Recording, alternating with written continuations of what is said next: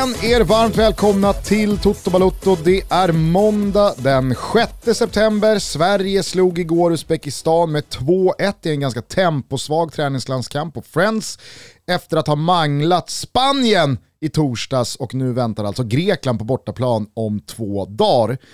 Men det är ju inte bara kring eh, gul och gul och det händer grejer. Fan vad stormigt och rörigt och rubrikmässigt den här landslagssamlingen har varit på alla globala håll och kanter. Ja, nej, men det är väl alla världsdelar som har något politiskt problem. Framförallt just nu så är det ju borta i Sydamerika, Brasilien, Argentina, vi får återkomma till det. Sen så har du strulet med statskuppen i Guinea eh, nere i Afrika och Marocko på plats då skulle spela VM-kvalmatch.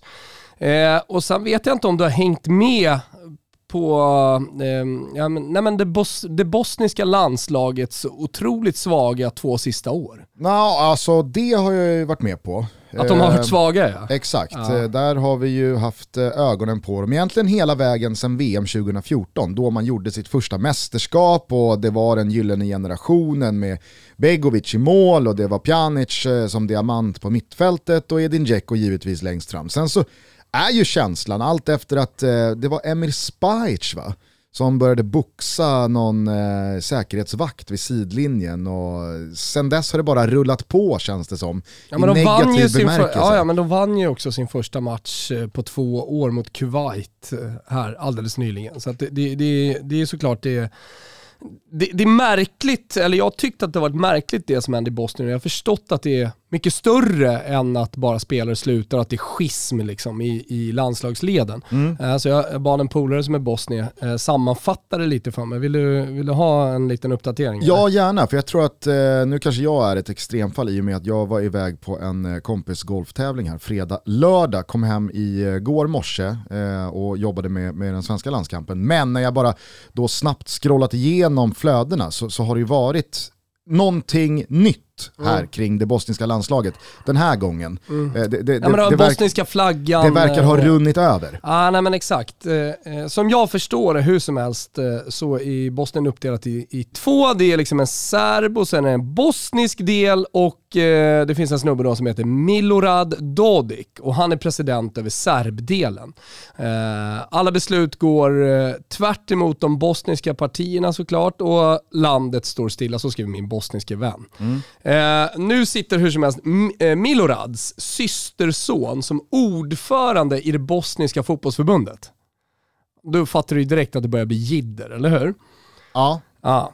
exakt. Hans då, då och... finns det alltså två från samma lag men mm. som spelar i olika lag. Ja, nej men i och med att det finns två delar, alltså det är en serbisk och en bosnisk eh, och att det är presidenten över den serbiska delen, nu pratar vi bara ren politik, ja. eh, eh, att det är hans systerson som är ordförande över det bosniska fotbollsförbundet.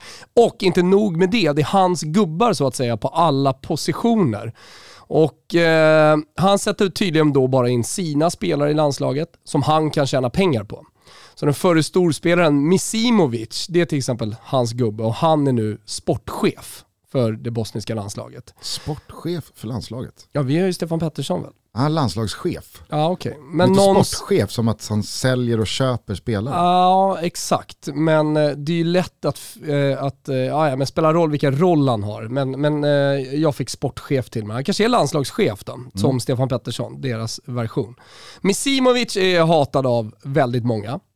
Eh, och eh, den nuvarande förbundskaptenen då, det är också Misimovic och ordförandens då, gubbe. Dodic. Exakt. Eh, allt det här har då drivit Bosniens landslag i graven enligt min polare och storspelare efter storspelare har tackat för sig. Och intresset har heller aldrig varit lägre för det bosniska landslaget. Det är ingen publik på matcherna. Och sen en tid tillbaka så har också fansen protesterat mot förbundet på matcherna och det här har då lett till att man har visat den gamla låt säga den riktiga bosniska flagg, flaggan. Eh, du, du, du, kommer ihåg gidret med, med storalbanska flaggan som flög in med en drönare? Ja, men eh, det, det, det kanske Stark vissa, symbol hur som helst. Det kanske vissa som lyssnar på det här eh, underskattar. Mm. Alltså flaggans symbolik i den här delen av Europa, mm. alltså forna Jugoslavien och ja, men Balkan överlag. Ja.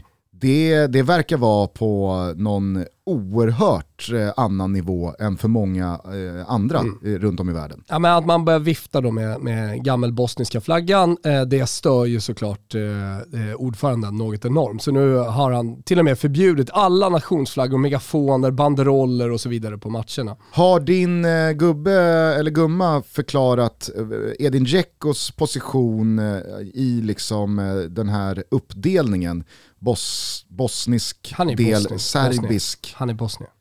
Alltså, han är bosnier, ja, Han är bosnier. på den delen. Okej, så att där har vi liksom en, en clash. Han har, ju, han har ju inte dock varit ute och härjat lika mycket som till exempel Asmir Begovic. Jag vet inte om du såg hans tweet, eh, tweet igår.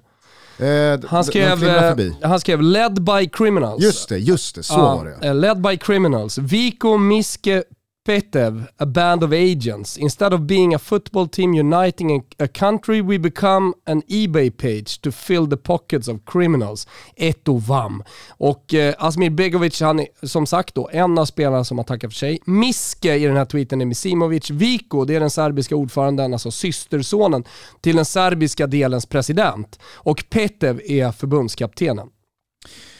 Det får man ju Eh. säga är en ganska så tydlig tweet från eh, Asmir Begovic. Ja. Det är raka rör. Han, eh, min polare, skulle också lägga till att majoriteten av spelarna är där av helt andra skäl än sportsliga, utan snarare för att tillfredsställa agenten som kan sälja dem och ta profit på aff- affären. Och pengar som i slutändan då på något sätt skulle gå till Misimovic bland annat. Så att eh, här har du, här har du, tror jag, stor jiddra. Sen går det säkert att fördjupa sig hur mycket som helst i det, eh, men i kortfattad form. Ja. Känner du att du, ja, jag kände att jag fick i alla fall en mycket tydligare bild. Mm, eh, jag känner också det. Däremot så minns jag att jag, kan det varit ett halvår sedan, ett år sedan, så gav jag mig på When We Were Kings avsnittet om Bosnien. Eh, och det var ju som alltid oerhört eh, detaljrikt eh, men också väldigt långt och i sådana här fall när det finns ett krig, det finns olika etniciteter, det finns olika språk, det finns olika religioner, det finns olika flaggor, det finns olika liksom, ja men detaljer som är oerhört viktiga som blir väldigt lätt att blanda ihop. Och så förstår man inte riktigt hur saker och ting hänger ihop. Det, det, det påminner ju lite om när du och jag och din polare ute i Rönninge, Isak, försöker förstå då assyrier, syrianer, assyriska, syrianska, du fattar vart jag, liksom, vart vart jag ska någonstans. Och varför i helvete det är polemik? Och jag kommer ihåg att jag var väldigt fascinerad av det här avsnittet och inte minst då när Niva breder ut sig om Edin Dzeko. Men det är så mycket att hålla isär och hålla reda på att när det har gått ett halvår, ja men då flyter ju alltihop och så blir man osäker på hur det egentligen ligger till. Men Edin Dzeko som stor symbol, och stor är verkligen en underdrift, han är ju den största bosniska spelaren någonsin. Eh, landslagskapten och givetvis eh, en, en nationalikon, misstänker jag då, eller i och med att han, trots att det då är serbiska bosnier på varenda styrande position som försöker göra landslaget till sitt, ändå har en bosnisk bosnier i Edin Dzeko som given landslagskapten och ansikte utåt för landslaget. Det är eh, korrekt uppfattat då. Och att i, i det fallet funkar det, men det Asmir Begovic då påtalar och som väldigt många andra eh, verkar känna samma sak kring, eh, det, det, det är ett annat existerande problem som Edin Dzeko inte har att göra med. Ja, nu, nu hinner jag inte med. Varför skulle inte han ha att göra med det? Jo men Edin Dzeko är väl inte ett resultat av de serbiska maktgalna bosnierna i toppen. Så, alltså Dodic, eh, mm. Djeko är ju också emot, eller det, det får man nästan förutse, men han är fortfarande kvar i det bosniska landslaget, han har inte lämnat det. Eh, men man måste förutsätta att eh, de bosniska spelare som är där, eh, alltså, speciellt med hans dignitet och hans historia, ändå är emot det. Eh, Så vad jag förstår så väntar många bosnier på att han ska uttala sig och, och, och säga någonting om det här. ja men då har vi i alla fall rätt ut att Edin Dzeko tillhör inte falangen av Dodic, Misimovic och den serbiska nej, nej, delen. nej, liksom. nej, nej, nej, det gör han inte. Nej. Nej. Nej, Bra. Han, han, är, han är där, han är det bosniska folket, han är den stora hjälten. Men han har inte lämnat skeppet. Men det är andra spelare som har gjort. Och han har inte likt Begovic gått ut och slaktat Nej. sina överordnade. Nej. Nej. Det skulle mycket väl kunna hända och då blir det väl ett jävla liv. Mm. Jag minns, jag kommer inte ihåg om det var i Toto eller Tutski eller i vilket sammanhang vi pratade om det, men jag vill minnas att vi befarade lite att det var hit eh, det bosniska landslaget var på väg mm. när då resultaten uteblir. För att som alltid så styr ju hur det faktiskt går på fotbollsplanen väldigt mycket. Når man mästerskap och väl där gör det bra, ja men då är det ju harmoni. Mm. Då tror jag att man lägger saker och ting åt sidan och sen så enas man och sen så låter man fotbollen stå i centrum. Men vad händer egentligen? Jo, det var när vi pratade om Anel Ahmedhodzic eh, och hans landslagsval. Just det. Att det kan faktiskt vara lite fel att välja Bosnien i det här läget. Mm. Dzeko är på väg att fejda ut, Pjanic är på väg att fejda ut, vad är det egentligen Är han då en av de spelarna som eh, eh, skor sig på landslaget? Alltså, jag, jag, säger inte att det är så, jag, jag, säger bara att kritiken här, eller kritiken, gidret eh, som Begovic skriver om, ja. det är ju att Eh, det är led by criminals och att det, det är a band of agents mm. Eh, och att eh, spelare utnyttjar också landslaget för sina egna karriärer. Ja. För jag menar, om, om, om de här personerna som sitter som ordförande, som förbundskapten och, och så vidare, om de skor sig på landslaget och ja, men, agerar mer eller mindre agenter och får pengar för vidareförsäljningar, då måste man ändå spekulera i att valet av landslag Eh, eh har, har, ett, har, ett, har ett karriärsyfte. Absolut, samtidigt så kan man ju med objektiva ögon titta på Anel Ahmedhodzic och säga att ja, om Atalanta är eh, så pass konkret intresserade som eh, de uppenbarligen verkar vara och vi pratar övergångssummor runt 7, 8, 9 miljoner euro, eh, Ahmedhodzic förmodligen hade spelat bredvid Victor Nilsson Lindelöf i ett svenskt A-landslag, kanske rent av redan nu, ja, jag ser ju inte att det finns en sportslig konkurrens som gör att Ahmedhodzic inte ska ta tröja i det bosniska landslaget. Nej. Men det jag skulle komma till var bara att då var det, vi pratade om just det här, att var är egentligen Bosniens landslag på väg någonstans? Vad händer med ett sånt landslag? Och tillåt mig då vara lite fördomsfull. När det blir resultat som går emot, ja men då kanske det röriga tillåts att bubbla över att det tillåts bli lite för mycket strul, jidder och andra saker än korrekta fotbollsmässiga tankar och värderingar som präglar landslagsverksamheten. Vi pratade om det förra veckan med Island. Vad händer nu när Lasse Lagerbäck har försvunnit och, och vad heter han, Hilmer, Wilmer, Hilm, Hilm, ja. Hilmir. Hilmir Hilmirsson, Hilmir Hilmur. Ja som Lagerbäck hade som ass och som sen tog över och yeah. som var den som hade Island i eh, VM 18.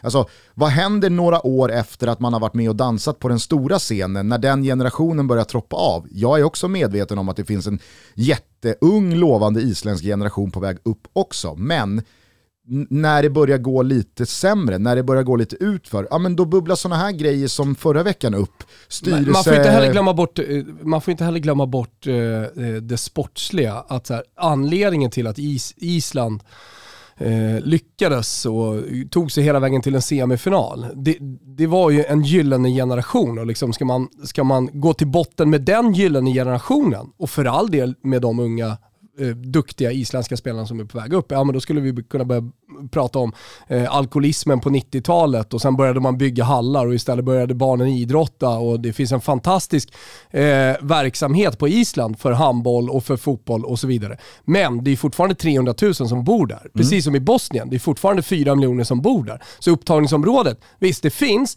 men det är inte enormt och för att Bosnien ska liksom nå tillbaka och, hitta, eh, och, få stjärnspelare, då har de inte råd med det minsta strulet. Och det, Island har inte råd med någonting. Nej. De, måste, de måste ju maximera precis allt. Så blir det, blir det ett strul i, i, i eh, det isländska fotbollsförbundet, ja men det, det är en sak för mycket för att det sportsliga ska funka. Det är ja, så eller enkelt. Så, eller så hänger det ihop. Alltså, ja, det, det, är bara det jag, jag understryker, att, att, det, att, det, är ingen slump nej, att det här sker samtidigt. Exakt. Att den isländska förbundsstyrelsen avgår samtidigt som Island sladdar redan i eh, gruppen efter halva kvalet. Det är nog ingen slump. Nej, Precis som att det inte är någon slump. Kosta, och det kommer säkert kosta under tid. Precis som att det inte är någon slump att det kaosar ur fullständigt i Bosnien just nej. nu när man presterar dåligt på planen. Eh, bara, bara liksom confirmen här på Jacob, det känns som att det är viktigt att vi sätter honom. Så träffade min polare Spy, han är halvpolare med Spice och Spice är bästa polare med Djeko. Så han har en lina till Djeko. Jätteconfirm eh, på att Djeko är emot det här och att man nu eh, alltså från, från bosniskt eh, fotbollssupporterhåll eh, förväntar sig att någonting ska hända och att eh, han ska säga någonting. För han är emot det som händer i, i förbundet. Vi kan bara för protokollets ordning eh, påminna alla då om att Bosnien alltså inlett detta VM-kval med två kryss och en förlust på tre spelade matcher. Man möter i morgon Kazakstan på hemmaplan. Vilka förlorar man mot? Eh, man har förlorat eh, mot eh, Frankrike ja. på, hemmaplan Och kryssat mot... Kryss mot Finland och kryss mot Frankrike då i eh, torsdags va? Just det. Onsdags. Ja, onsdags. Dzeko just nämnde Dzeko eh, sköt ju in eh, ledningsmålet för mm. Bosnien. Men jag tror för hans del, och nu gissar jag bara, nu spekulerar jag medveten om det, men där finns det en, jag tänker inte lämna båten anledning att vara kvar och vara tyst. För så fort han öppnar munnen då kommer det bli total kaos. Eh, men då vet vi också precis eh, det vi pratade om, att då kommer det bosniska landslaget att, eh, att få många köttsår som kommer ta tid att läka. Så jag kan tänka mig att Djeko, som inte är purung ändå spelar klart sin karriär och sen kanske då mer aktivt börjar jobba mot den konstellationen som just nu finns i, i bosnisk landslagsfotboll.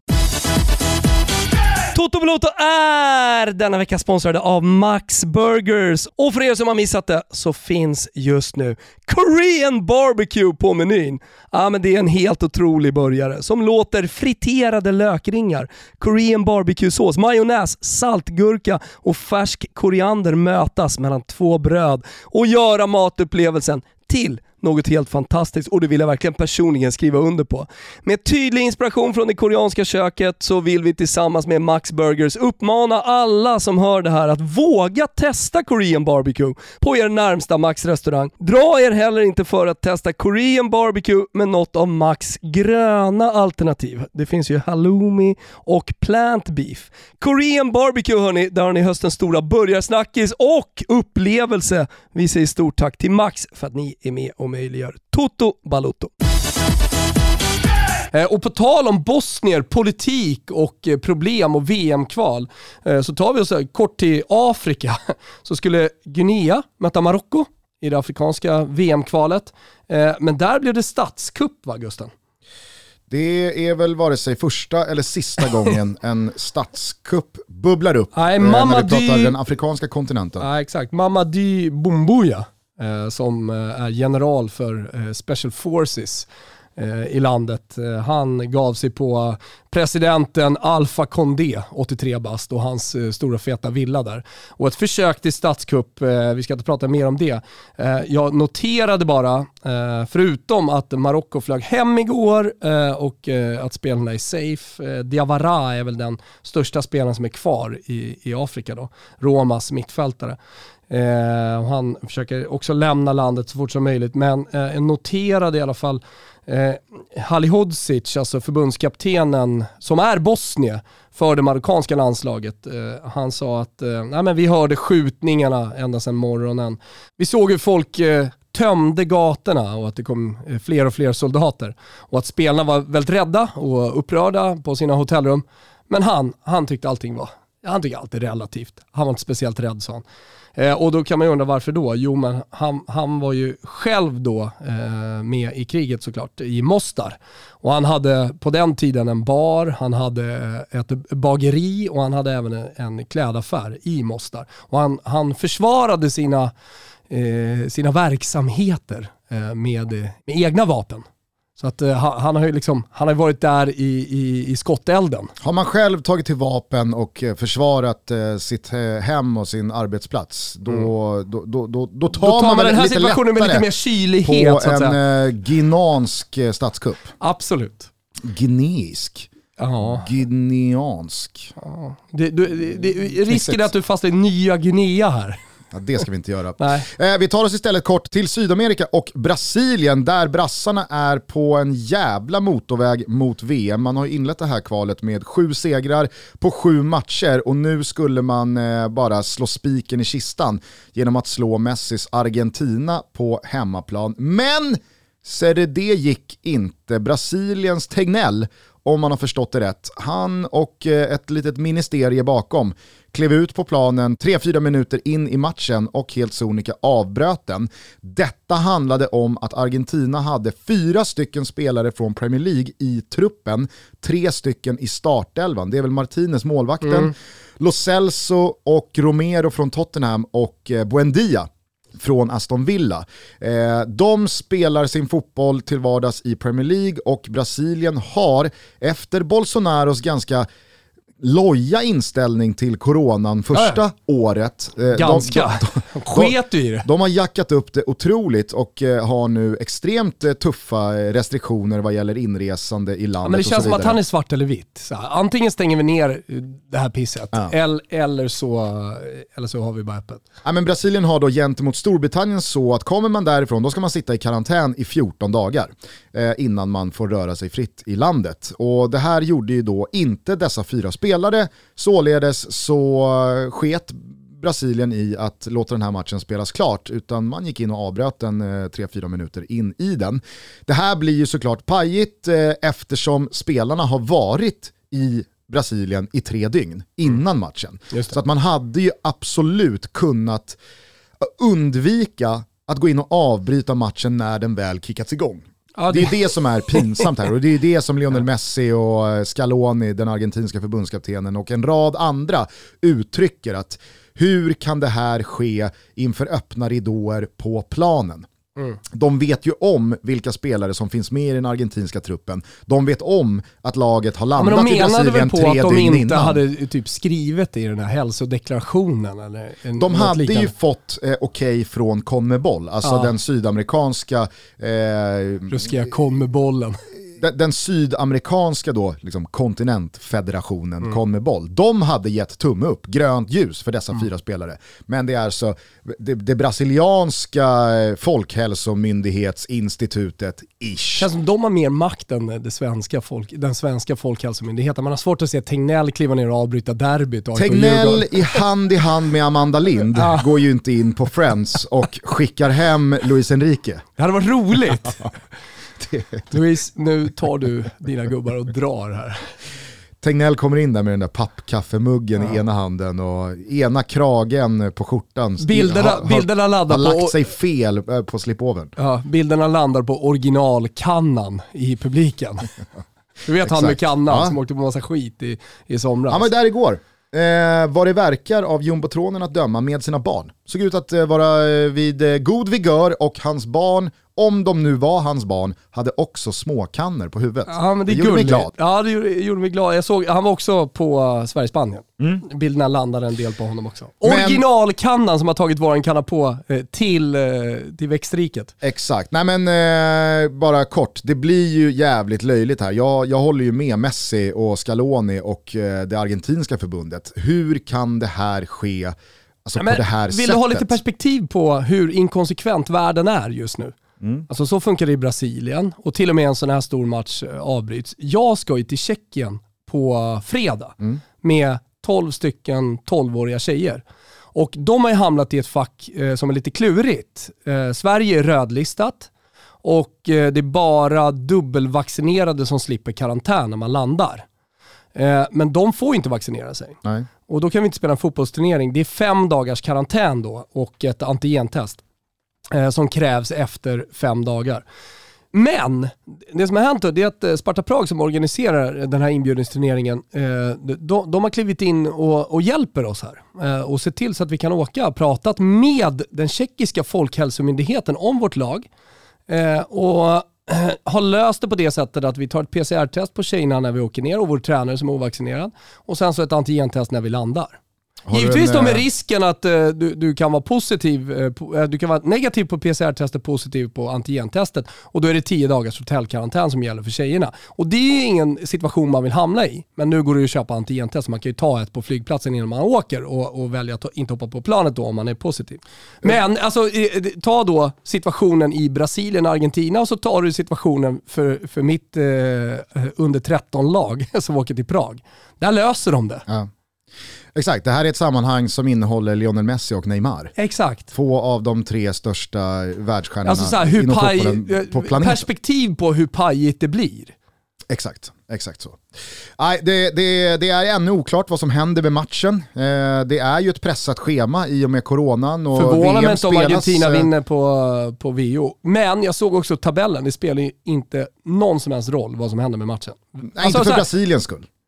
Nej, inte jättemycket för Argentina heller. Var de 7-8 poäng ner till eh, att inte eh, liksom, kvala sig till VM. Ja. Nej, men jag säger bara att brassarna har ju slaktat rent ut med 7 av 7. De kan ta en VO och så skiter de i den där matchen. Jo men Lite det blir så. väl en prestigeförlust. Alltså, Men ska de också spela klart Alltså, VM-kvalet? kliver du ut på plan i kostym och hämtar av tre spelare från Argentina, då kan du inte riskera att det här slutar med en eh, liksom, torsk, en men då, skrivbordstorsk. eh, Då måste du ha på fötterna att veta att det här är Ja, men det, vattentätt. är det, det är det som är, jag tror är problemet här för Brasilien och att de kommer förlora den på VO. För från brasilianskt folkhälsomyndighetshåll så säger man det här, det här ligger på Fifa och Ja, du, utreda. du menar att Argentina kommer förlora på VO för att de har spelt, ställt upp med de här spelarna? Nej, tvärtom. Argentina kommer vinna för, Ja, ja, men det för var det jag menade. klev in. Exakt, och, Och- det är det jag menar. Det, man kan ju inte kliva in i kostym och avbryta den här matchen. Om man inte vet till Nej, men- 100% att det här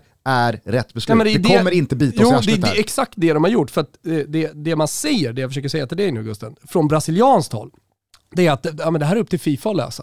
Kommer boll tillsammans och kommer boll är en del av Fifa. Så Fifa kommer i slutändan, som jag har förstått det, bestämma vad som händer med den här matchen. Inte brassarna. De har ingenting att säga till om där. Nej, och då borde ju Fifa rimligtvis gå på Conmebolls Exakt. spår som har godkänt Romero och Lo Celso och Martinez och Buendias deltagande i den här Ja, matchen. och kolla på att vad fan kan, kan, kan Wilbachers 12 tjejer åka till Tjeckien? Ja men det är helt orimligt att de inte har löst det här tidigare och att de kliver in och avbryter matchen. Den här matchen kommer sluta med att Argentina vinner den på VO. Och då ömmar man för vad som kommer ske med den här slipsnissen i Brasilien. Alltså deras Tegnell. Ja, hängs i slipsen. Det är, Där det, hänger Brasiliens Det är Tegnell. inte orimligt att han hängs i sockertoppen eh, i Jesus-statyn. Där, där hänger han. Ja. Där hänger han. Ja. Varför då? Han tog beslutet att gå in och avbryta VM-kvalmatchen mot Argentina i tron om att det här är bulletproof. Ja. Det här är vattentätt. Men hörru Gugge, det är alltså tre eh, situationer hur som helst eh, som jag vet inte har skakat om fotbollsvärlden de senaste dagarna, men det har i alla fall hänt. Ja, men ska vi då kanske skifta fokus till något annat som skakade om oss, nämligen den svenska insatsen mot Spanien i torsdags kväll. För att Känns sent att prata om den. vi behöver inte prata om matchen i sig, vi kan väl prata i ett större perspektiv om ja, men, vad, vad den där insatsen gjorde med den. Vad man nu känner för framtiden, vilket läge vi nu har gett oss i tabellen, eh, vilken jävla morgonluft i lungorna man andas. Det du gör var, nu, det det var en du- jävla det- det otrolig insats på alla sätt och vis. Jag, jag, jag, jag skrev det på Twitter, man ska vara försiktig med att dunka ut liksom euforiska analyser direkt på slutvissla. Men jag menar, börjar man eh, tänka tillbaka, om man bortser från några eh, gruppspelssegrar som tagits i mästerskap, så är det här kanske den bästa insats som jag upplevt. För att, Ja, eh, att slå Spanien på Råsunda eh, 2006 där, det var fantastiskt. Men det var i början av ett kval, Spanien vet, ja ja då får vi väl växla upp här eh, mot slutet och Sverige kommer tappa några poäng och så slaktar vi dem hemma på Bernabéu och så vinner vi gruppen ändå. Det var det som skedde. Den här Hollandsmatchen, du vet när Kim Källström eh, drar in 3-2 och eh, vi eh, direkt kvalificerade oss för EM 2012. Det var ju mot ett Holland som redan var klara. Det var en fantastisk seger, absolut, men det, det gör ju givetvis att förutsättningarna var annorlunda. Det här är mot Spanien, EM-semifinalister så sent som för två månader sedan. Eh, ett landslag som vet efter poängtappet i början av det här kvalet och Sverige då står på full pott att vi har inte råd med ytterligare misstag och poängtapp här. Ja men så finns det väl en revanschlusta i Exakt. Spanien också efter den premiären, så som den såg ut. Precis, Luis Enrique skulle få sin revansch på Jan Anderssons 1-0 ultradefensiv tidigt och på 0 Friends och allt att resa sig efter en sån öppning, en sån käftsmäll på det sättet som Sverige gör och med i synnerhet Alexander Isak och Dejan Kulusevskis insats som anfallspar. Nej fy fan alltså, det var, det var så jävla underbart att se och känna och uppleva den där torsdagskvällen. Och så tittar man in på tabellen, och vi kan väl ta det för alla som har missat det. Det är alltså Spanien borta i sista matchen. Vilket gör att om Sverige tar fyra segrar på de fyra kommande matcherna, med start alltså i övermorgon, Grekland borta, då är vi VM-klara som gruppettor. Då kan vi åka till Spanien och spela den där matchen och bara jassa ut. Tjena tjena, hallå, hallå Louise. Ja. Janne sträcker fram handen, kanske blir vi manglade med 5-0. Vad spelar det för roll? Vi vinner ja, gruppen. Ja, men Jan bara ekar ut Nej, men Exakt, och, och, och jag, jag, säger inte att Sverige med, med ögonbindel och eh, liksom bakfulla vinner fyra matcher här mot Grekland gånger två, Kosovo och Georgien, hur man än gör. Det är klart att det är tuffa matcher, men vi har sagt det, är det någonting som Jan Andersson verkligen har satt ner foten kring under sin tid som förbundskapten, så är det ju att Sverige går ju ut och gör gedigna insatser. De gör jobbet, de underskattar inte någon. Jo, vi underskattade Georgien, ja. första halvlek i våras. Zlatan var tillbaka, det här kan väl bara sluta på ett sätt med 4-0 i paus. Och vi har ju eh, vittnesmål inifrån omklädningsrummet i paus, alltså från landslaget själva. det var liksom så här, vad va fan håller, alltså nu får, mm. vi, nu får vi skärpa oss här alltså. Mm. För att det, här är, det här är elva georgier som har mm. tänkt att dö där ute. Ja, om, det så ska, om det så ska kosta dem livet så ska de fan spela 0-0 här alltså. Ja, nej men jag, jag, jag, tror, jag tror att det var lite det Janne pratade om igår, om jag bara snabbt får kasta mig till eh, efter matchen-intervjun efter Sverige-Uzbekistan. Det fanns en ilska i Janne Andersson eh, för hur vi tog oss an den andra halvleken och jag tror någonstans att eh, Georgien bor kvar i honom. Att det, vi, får, vi får aldrig slappna av, även om detta är en match som vi inte vill spela, eh, även om den här matchen inte har någon betydelse rent sportsligt. Eh, så, så, om vi börjar slappna av i 45 minuter mot Uzbekistan, då kan, då kan liksom Georgien i en viktig match också återupprepa sig. Här, när, när jag såg intervjun med Janne, för att jag hade ju på förhand tänkt att den här matchen skiter väl alla i, det spelar väl ingen roll.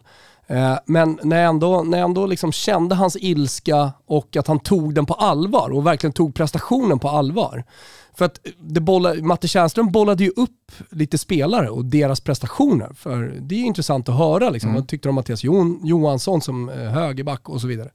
Så var han rätt sval liksom. Det var inte så att han eh, tog tillfället i akt och höja deras självförtroende och prata gott om dem. För han tyckte inte han att Han sa väl till och med att Mattias Johansson gjorde det okej? Okay. Ja, han gjorde det väl okej okay, liksom. Ja, det var bra att Sund, Sundgren fick några minuter i ben. Sundgren tyckte jag i och för sig var ganska bra när han kom in. Men, men eh, eh, Jordan Larsson, när han säger att så, ja, men han var en injektion.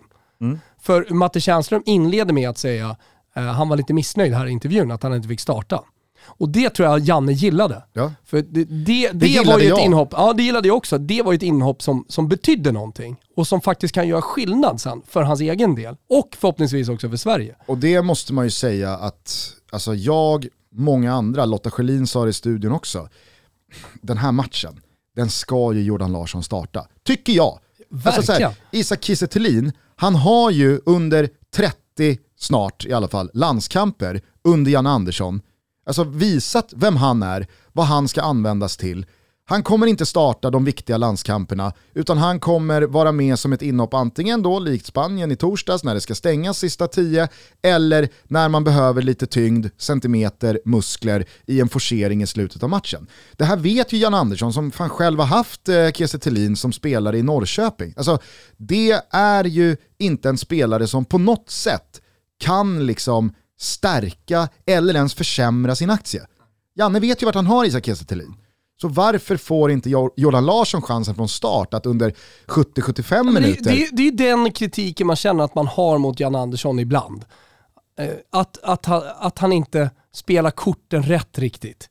Men å andra sidan så vinner ju Janne alltid i slutändan. Ja. För en Jordan Larsson som står där efter matchen, mm. lite småförbannad att han inte har fått fler minuter och att han inte har fått starta. Med, med en enorm hunger att komma in och vilja göra skillnad. För det säger ju Jordan också. Att så här, jag vill bara spela fotboll, jag vill göra mål, jag vill göra skillnad när jag spelar. Sen kan och, jag också... Och, och jag menar så, om, Jan, Janne kanske bygger bara den hungern ännu mer genom att inte starta honom. Och så kommer han in när det är 30 minuter kvar mot Grekland och står fucking 1-1 Ja. och bombar in två mål. Är det någonting däremot jag inte tror att Janne kommer hämta hem eh, i, i slutet av dagen och så sitter man där med, med eh, dumstruten på i skamvrån så är det ju det att, nu var ju Janne tydlig med när han tog ut truppen att ah, Oskar Lewicki hade varit med i truppen men han skadade sig i, eh, det var väl Malmös eh, Champions League-playoff och fick tacka nej. Eh, men det togs inte in då någon ytterligare innermittfältare.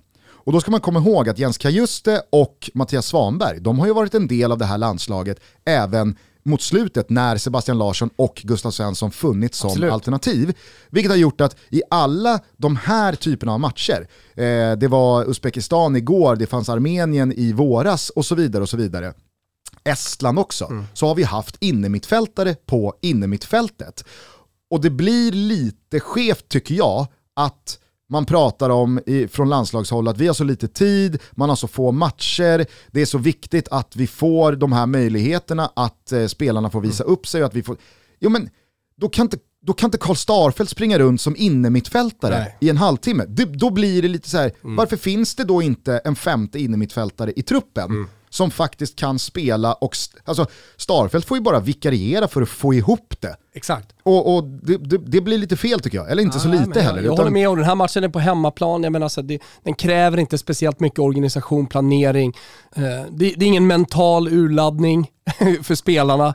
Alltså så här, in, kör 90 minuter, men ta då tillfället i akt, precis som du säger. Alltså testa något nytt. Ja, och det blir ju inte speciellt roligt för Starfelt heller. Jaha, ja, jag fick spela mot Uzbekistan som innermittfältare. Alltså, det, Nej, men alltså det, det, jag vet inte, det blir någon slags dominoeffekt av att så här, det var så oerhört tydligt att det saknades en innermittfältare. Och det blev också så här, ja, men man kan inte, man kan inte gnälla på att det, det, vi har så få matcher och vi har så lite tid nej, med det spelarna. Och så har man Karl Starfelt som innermittfältare i, i okej nu flyttade han väl ner sista tio när Viktor Claesson kom in. Men, ja, Men det du fattar var trots allt bara Uzbekistan i slutändan. Jag håller med dig och kritiken, men Janne Andersson hade kunnat gjort det mycket bättre. Jag ska bara säga det. Den här matchen mot Grekland som vi nu spelar. Ja. Du pratar om fyra finaler här nu som, eh, där, där Sverige har möjligheten att säkra VM. Det Sverige har ju tagit sig till mästerskap eh, sedan eh, 2004, absolut. Men vi har inte vunnit en kvalgrupp sedan 2003, hösten 2003. Påminner om att Lars Lagerbäck och eh, Tommy Söderberg alltså vann tre raka kval. Mm. Slutet på 90-talet och sen de första två eh, till VM 2002 Mm. och till EM 2004. Men sen dess så har vi ju aldrig vunnit en VM-kvalgrupp. Eller för den delen en EM-kvalgrupp. Nu har vi ju sånt läge. Ja, sånt men läge. för, för att liksom ta oss dit, då kommer den tuffaste matchen direkt. Det är Grekland borta.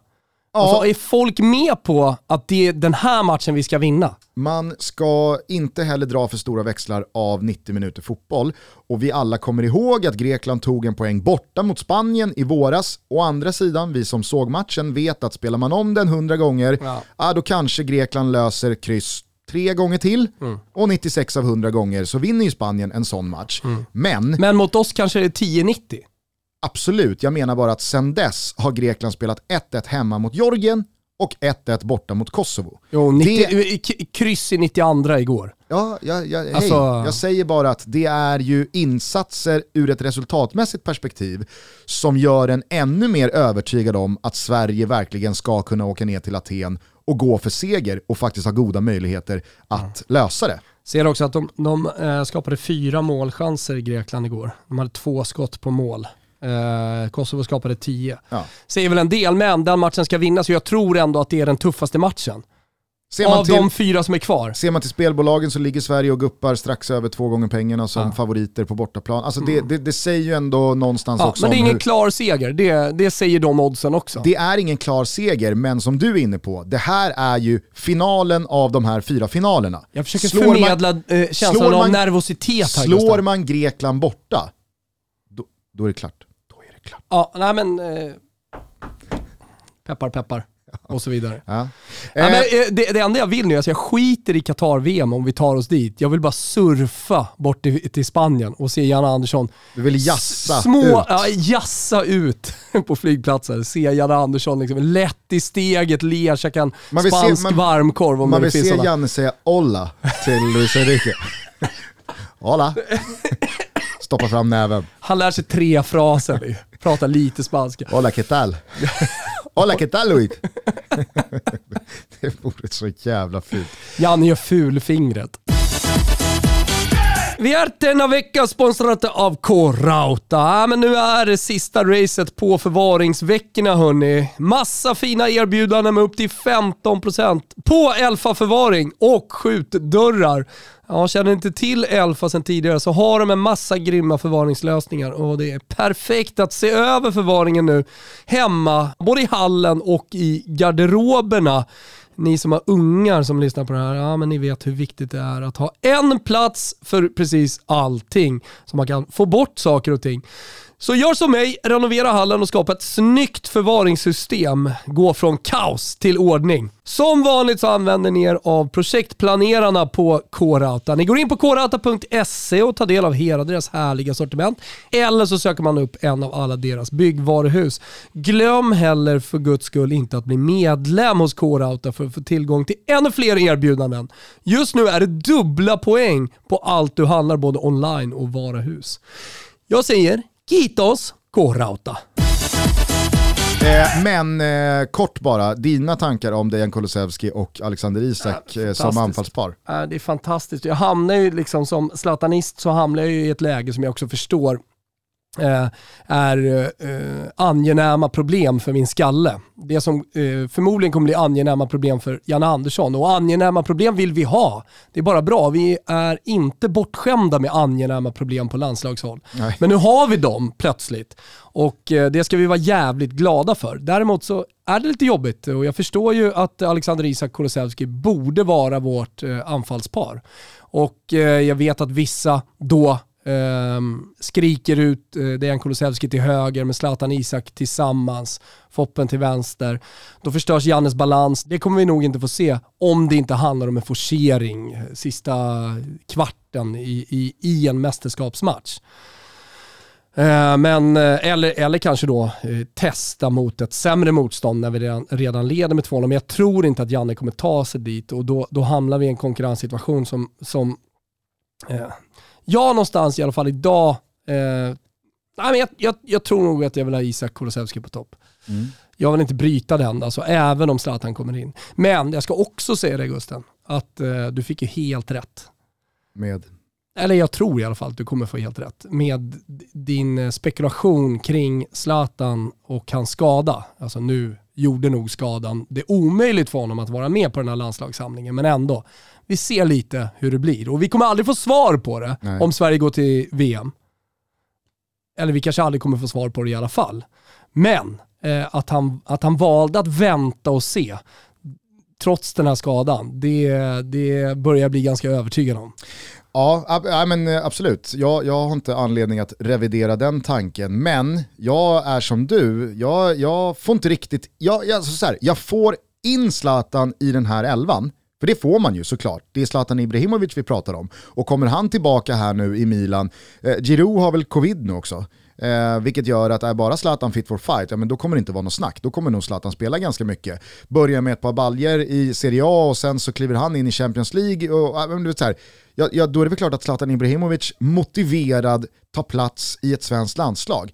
Det jag däremot inte känner mig speciellt övertygad kring är ju vad det får för ringar på vattnet. Effekter i ja, men både eh, startelva men kanske framförallt karaktär på hur spelet ser ut. Sen är det ju en passande samling, eh, oktobersamlingen, det ska ju sägas, eh, med eh, två hemmamatcher, Grekland, Kosovo.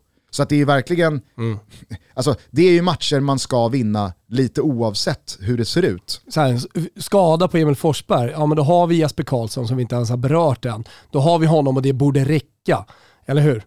För att vi har så mycket kvalitet i övrigt i det anfallet. Alltså det, det, med angenäma problem, återigen. Precis. Alltså vi kommer få skador på nyckelspelare. Jag menar Fram bara till att Qatar. Dejan Kulusevski med den här insatsen måste ju ha omvänt alla de som eventuellt har velat offra honom för Viktor Claessons skull eller för eh, Zlatans eh, Mm. skull eller v- vad man nu kan tänka sig. Kulusevski fick väl sitta kvisten eh, mot Kosovo eh, efter den där eh, det.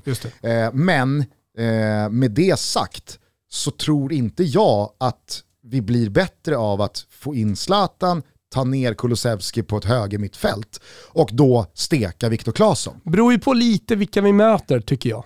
Du, absolut, men du fattar vad jag Alltså menar. möter, vi, möter vi eh, Spanien, Ja. då kan jag tycka att det är bra. Alltså Kulusevski är en, en eh, Du, omställningsspelare. tyckte inte det, du tyckte inte det såg okej ut mot Spanien eller i, ja, men jag i tror att vi kan torsdags? optimera det ytterligare.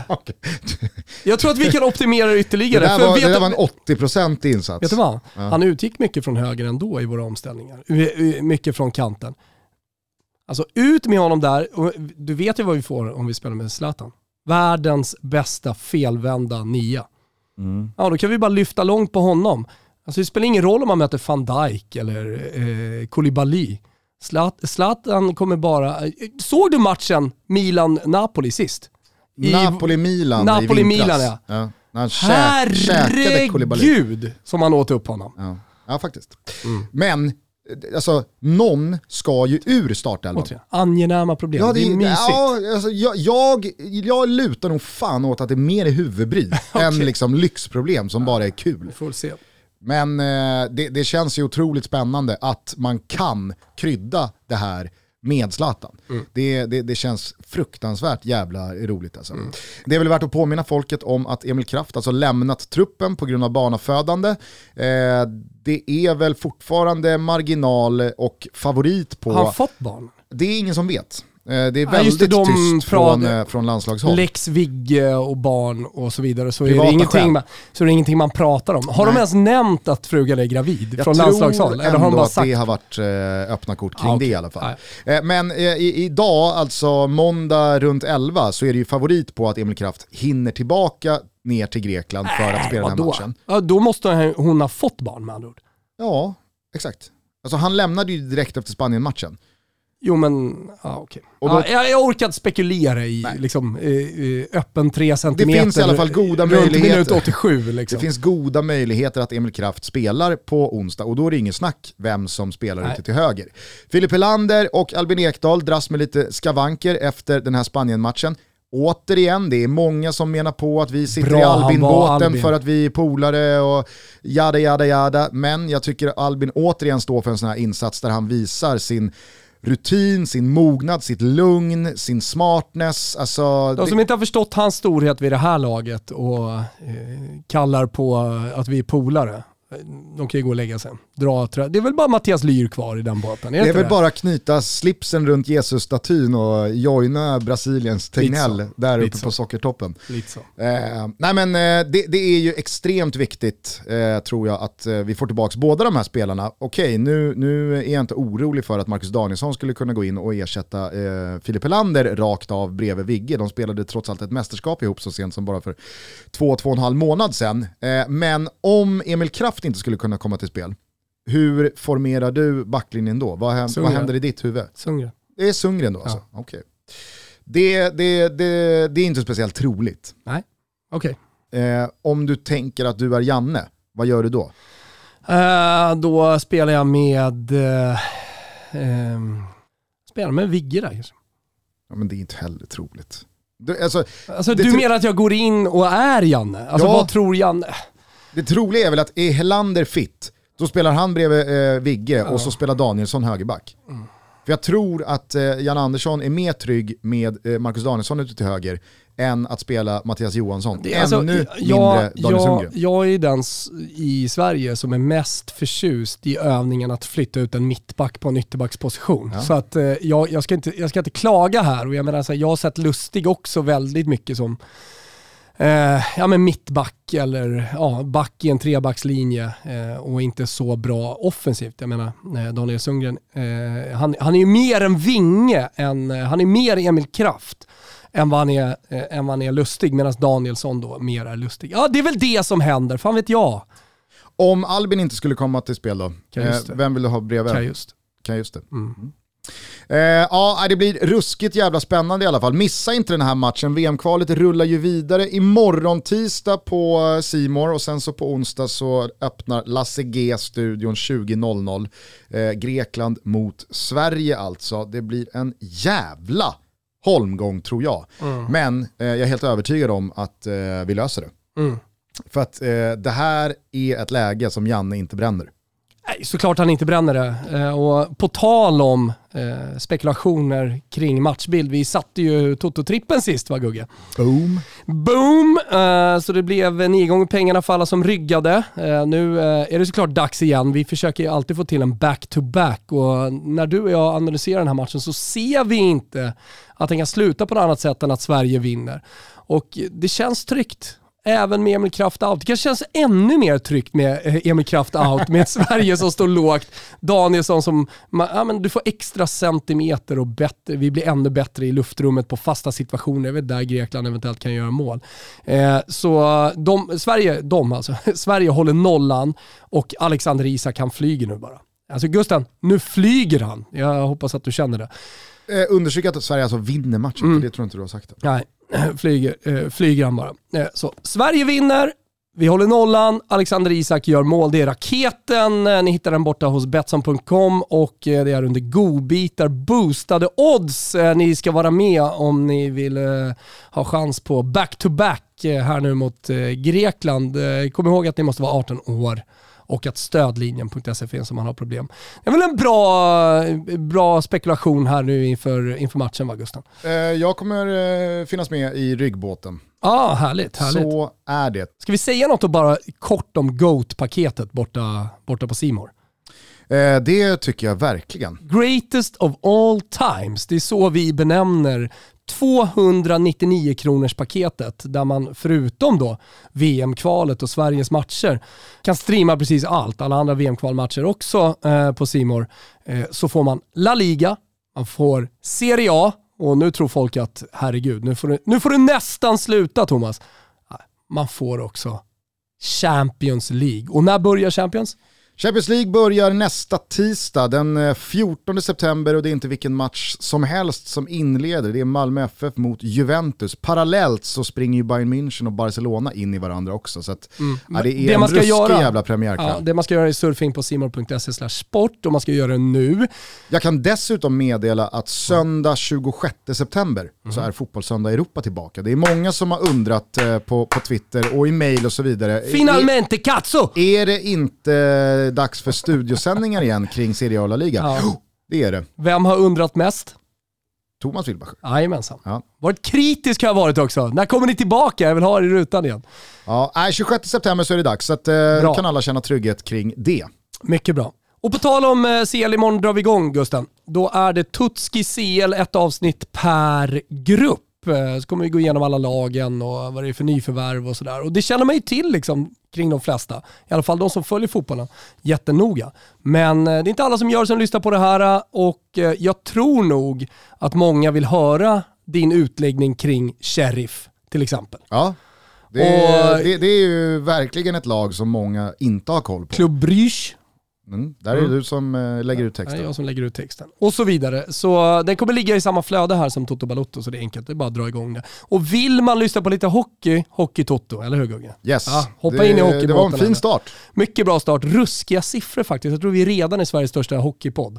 Säger väl i och för sig mer om hockeypodd-utbudet. Ja, nu när eh, Uffe Bodin och NHL-timmen gått i graven. Ja. RIP. RIP. RIP. Galna rulla där eller? RIP. RIP. Skits. Ja, skit.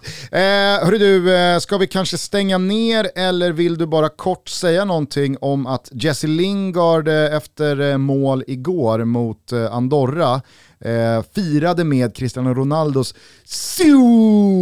målgest som en välkomstpresent till att portugisen har då, återanslutit till Manchester United. Otroligt att han är kvar, Jesse Lingard. Tror Jesse Lingard att liksom Ronaldo ska säga tack? tack. Jesse who? Ta exakt. Fan, tack hörru. Tack kompis. Tack kompis. Eh, noterar också här nu eh, breaking news, jag vet inte hur jävla mycket breaking news det är, men Isak Kiese har lämnat truppen, eh, är nära en ny klubb och efter Uzbekistan-matchen så känner väl eh, Janne att eh, han vet vart han har Kiese som man läser Janne här, eh, och tillåter då eh, anfallaren att eh, lämna samlingen för att lösa en ny klubb. Kommer återansluta till truppen i Grekland på tisdag. Ah, ah men då fattar jag. Då fattar jag. Kolla här då. Vi vet, Vi vill såklart inte stå i vägen i våra spelares karriärer. Efter att ha stämt av med vårt medicinska team så har vi hittat en bra lösning där Isak kan återansluta till truppen efter att ha testats igen eh, på tisdag, säger landslagschef Stefan Pettersson. Kanske ändå är någon slags sportchef som är den med final say kring eh, spelares eventuella övergångar sent in på Jag, vissa fönster. vet du vad, jag tror att det är exakt det han är. ja, faktiskt. Mm. Hörni, eh, tack för att ni lyssnar. Jävligt roligt är det att ni är så många som är med oss. Återigen, Tutski Balutski Champions League Edition startar imorgon tisdag. Sen hörs vi igen på torsdag efter förhoppningsvis tre nya VM-kvalpoäng för Gulo Gulo. Då tar vi med oss Adam Pintorp för att ta ner det, men kanske framförallt för att snacka upp La Liga mm. inför eh, klubblagssäsongs återuppstarten i helgen. Det var ju så stökigt där kring Messi och deadline day och allting, så vi tänkte vi sparar La Liga tills det har lagt sig lite där borta i, i, i det förbannade Spanien. Och sen så tar vi ett grepp. Så att eh, det blir La Liga-surr. Ganska mysigt avsnitt tänker jag på nu. Först förhoppningsvis då, peppar peppar ta i trä eh, och så vidare, ta ner tre poäng. Och, och sen efter den halvtimmen liksom bara fokusera på La Liga. Mm. Kan låta lite rörigt men eh, ganska tydligt också. Frank Ribéry till Salernitana ser jag här också innan vi stänger av. Ja, han landade i morse. Den har varit klar ett tag. övergång alltså. Ja, Ja, jag vet. Man tänkte att han skulle kanske då landa i Saudiarabien. Alltså, han har den auran lite grann. Ja. Kina, ja, Kina, men är Kina hett nu för tiden? Man kan inte tjäna så Nej. stora pengar där längre. De har strypt det där. Det, där just det, det var ju därför Danielsson kunde gå och tjäna stora pengar för honom men kanske inte stora pengar för Ribéry. Messa frågar Sam om Kina är hett. Vad gör Sam? Han har inte varit där på ett år. Det är så alltså? Han sitter hemma i Göteborg. Fan pengar då? Ja det får han. så det bara ramlar in pengar och han sitter i Göteborg. De vill ju inte ha tillbaka honom för att han hade antikroppar. Sånt, ja just det, sånt det skit ska vi inte ha in i landet. Sjukt, alltså, att coronan finns i hans kropp i form av antikroppar, då vill vi inte ha honom. Det är faktiskt helt bisarrt. Ja, det är otroligt alltså. Ja. Eh, men eh, nej, jag, jag, jag, jag, jag måste bara liksom så här, kring Frank Ribéry känna att en sån spelare som i så många år dominerade med sitt Bayern München hemma mot varenda lag i Bundesliga och även i Champions League och i det franska landslaget så var det ju liksom ha bollen, våg efter våg mot straffområdet, gör din gubbe, spela snett inåt bakåt. Alltså det, det måste ju vara den fotbollen han tycker är rolig att spela. Mm. Och så ser han då, antar jag, Salernitanas hemmapremiär mot Roma. Fullständigt mm. utspelade, Bonazzoli på topp är liksom, det, det ka, kantig, knack Eh, halvdan garderob till anfallskollega där uppe. Man, man är knappt över halva plan. Alltså ska Frank Ribéry liksom avsluta karriären med att liksom ligga och gnugga rätt position ute på kanten i försvarsspel Mysigt. i 72% av tiden? Ja, man gillar det är oväntat. Ja, men det ändå gillar man det. Ja, han måste ha förälskat sig i liksom den italienska fotbollskulturen ja, och, och maten kände, och vinet. Men det sjuka är att det, det, kände man ju faktiskt inte när han åkte på något rån i Florens så han skulle sticka därifrån. Eller när han Bryta åkte kontraktet. sist av alla till Salt Bay i eh, Dubai. Då alltså, var det, ja, nej, en sån spelare känns inte som någon som förlorar sig i en enkel eh, vongole eh, i Italien. Nej. Eller älskar liksom Salernitana. Nej. Det, det, det, det, känns snarare som en spelare som gärna tar det vräkiga, tar det, tar det vulgära. Mm. Extra mysigt. Härligt. Ja. Eh, hörni, vi hörs igen eh, som sagt på torsdag, men redan imorgon i Tutski Balutski Champions League. Ciao tutti! App, app, app, app, Vi ska gå ut på en låt, jag vill bara säga det här. Eh, det är nämligen så att fredag den 13 augusti så gjorde den 20-åriga R&B och popsångaren comeback och entré på Sveriges musikscen. Vem pratar vi om? Jo, Team You. Och eh, ja, men under avbrottet så har han jobbat hårt i det tysta eh, för att få den omstart och renovering som både livet och karriären behöver. Startskottet för den här resan är en låt om hänsynslös kärlek, mod och att våga ta chansen att följa sitt hjärta. Så i hjärtat hjärta ser vi Team U tillsammans med producenten Kevin Fitz, tidigare känd för att ha skapat framgångsrika och välkända låtar för bland annat Einar och Mackie. Så låt er förtrollas här av 2 eh, minuter och 58 sekunder skön musik. Eh, de tar med oss till en beroendeframkallande plats en känsla man inte vill lämna.